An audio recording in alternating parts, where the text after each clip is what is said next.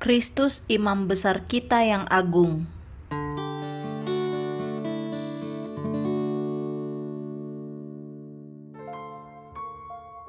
Pengertian yang benar dari hal pekerjaan di dalam bait suci semawi adalah dasar iman kita.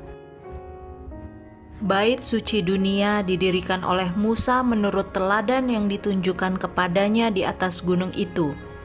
Itu adalah suatu lambang untuk masa itu pada zaman mana dipersembahkan baik pemberian maupun korban.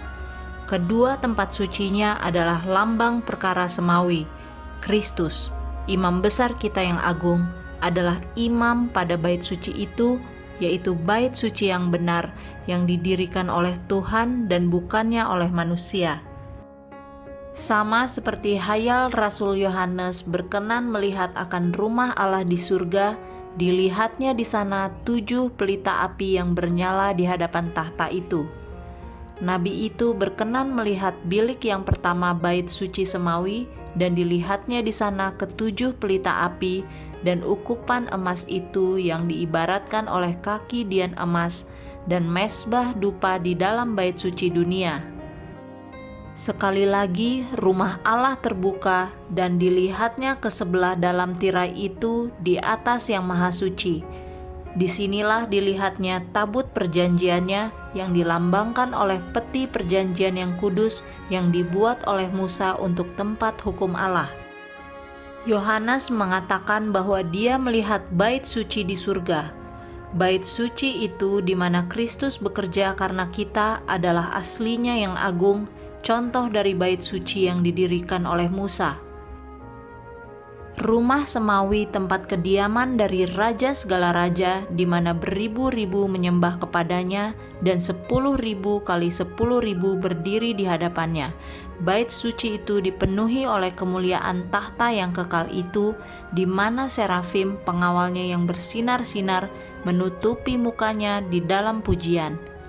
Tiada bangunan dunia yang dapat menggambarkan kebesarannya dan kekudusannya Walaupun demikian, kebenaran yang penting mengenai bait suci semawi beserta pekerjaan yang besar yang dilakukan di sana guna penebusan manusia akan diajarkan oleh bait suci dunia dan oleh acara-acaranya. Setelah kebangkitannya, juru selamat kita akan memulai pekerjaannya sebagai imam besar kita. Kata Rasul Paulus, Kristus tiada masuk ke dalam tempat yang suci buatan tangan manusia yang jadi peta yang benar, tetapi ke dalam surga itu sendiri, sekarang berdiri di hadapan Allah karena kita. Sama seperti pekerjaan Kristus terdiri dari dua bagian yang besar, masing-masing mencakup suatu masa serta mempunyai tempat yang tertentu di dalam bait suci semawi, demikianlah peta pekerjaan itu terdiri dari dua bagian, acara harian dan acara tahunan, dan buat masing-masing telah ditentukan suatu bilik. Sama seperti Kristus pada waktu kenaikannya berdiri di hadirat Allah memohonkan darahnya demi orang percaya yang bertobat, demikianlah imam pada acara harian itu memercikan darah korban di dalam bilik yang suci demi orang berdosa. Darah Kristus, walaupun melepaskan orang berdosa yang bertobat daripada hukuman Taurat itu, tiada akan menghapuskan dosa, melainkan akan tetap ada pada catatan di dalam bait suci itu hingga pendamaian berakhir. Demikian dengan ibarat darah korban karena dosa memindahkan dosa dari orang yang bertobat, namun masih tetap tinggal di dalam bait suci hingga hari pendamaian pada hari besar keputusan hakim akhir, orang-orang yang mati akan dihukum menurut yang tertera di dalam buku itu, yaitu menurut pekerjaan mereka. Kemudian, oleh khasiat pengampunan darah Kristus, dosa segala orang yang sungguh-sungguh bertobat akan dihapuskan dari buku yang di surga. Dengan demikianlah bait suci itu akan dibebaskan atau dibersihkan dari catatan dosa.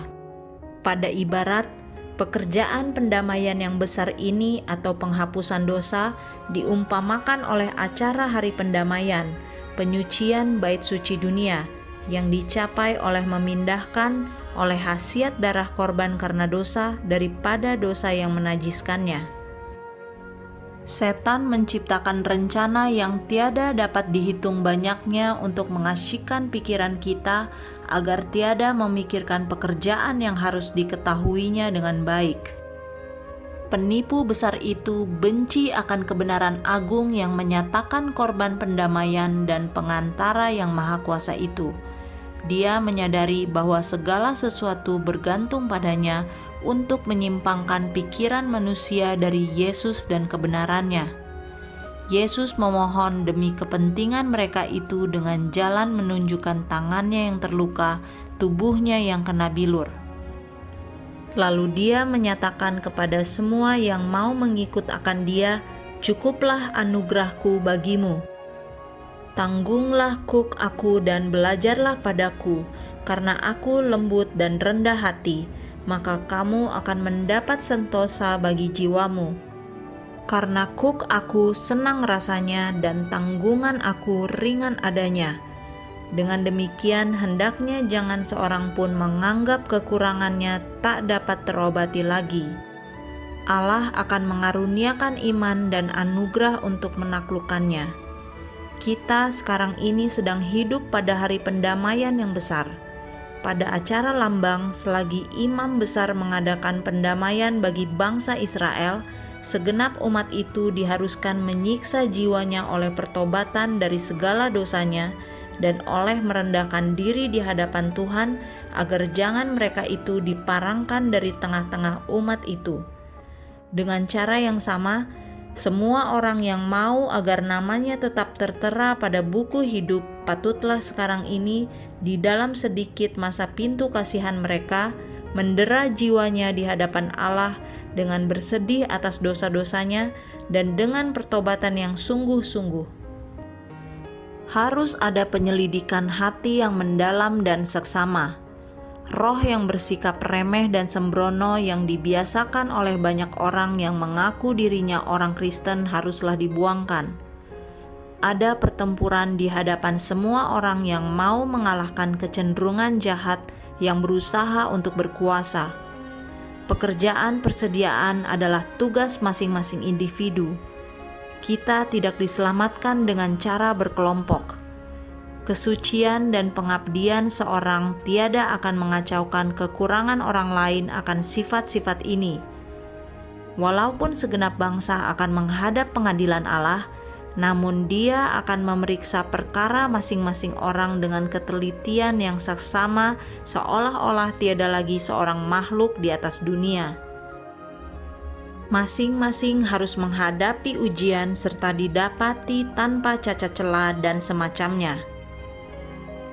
Sungguh hikmatlah pemandangan yang bertalian dengan acara penutupan pendamaian. Perkara yang terlibat di dalamnya sungguh sangat penting. Pehukuman itu sekarang sedang berlangsung di dalam bait suci di atas. Sudah bertahun-tahun lamanya pekerjaan ini sedang berjalan. Dengan segera, tiada seorang pun yang mengetahuinya berapa cepat akan tiba pada perkara orang yang masih hidup di hadirat Allah yang maha hebat itu, hidup kita akan dihadapkan. Pada masa ini, di atas segala waktu yang lain, haruslah masing-masing jiwa memperhatikan nasihat Juru Selamat itu. Berjagalah dan berdoalah, karena tidak tahu hari dan saatnya. Bila masa penyelidikan sudah berakhir, nasib semua orang telah ditetapkan, apakah akan hidup atau mati. Pintu kasihan sudah berakhir, sedikit waktu menjelang tampaknya Tuhan di awan-awan surga. Kristus yang tertulis di dalam buku Wahyu sedang menantikan masa itu menyatakan, maka orang yang jahat biarlah langsung ia melakukan kejahatan, dan orang yang cemar biarlah ia menjadi cemar, dan orang yang kudus biarlah langsung ia menjadi kudus.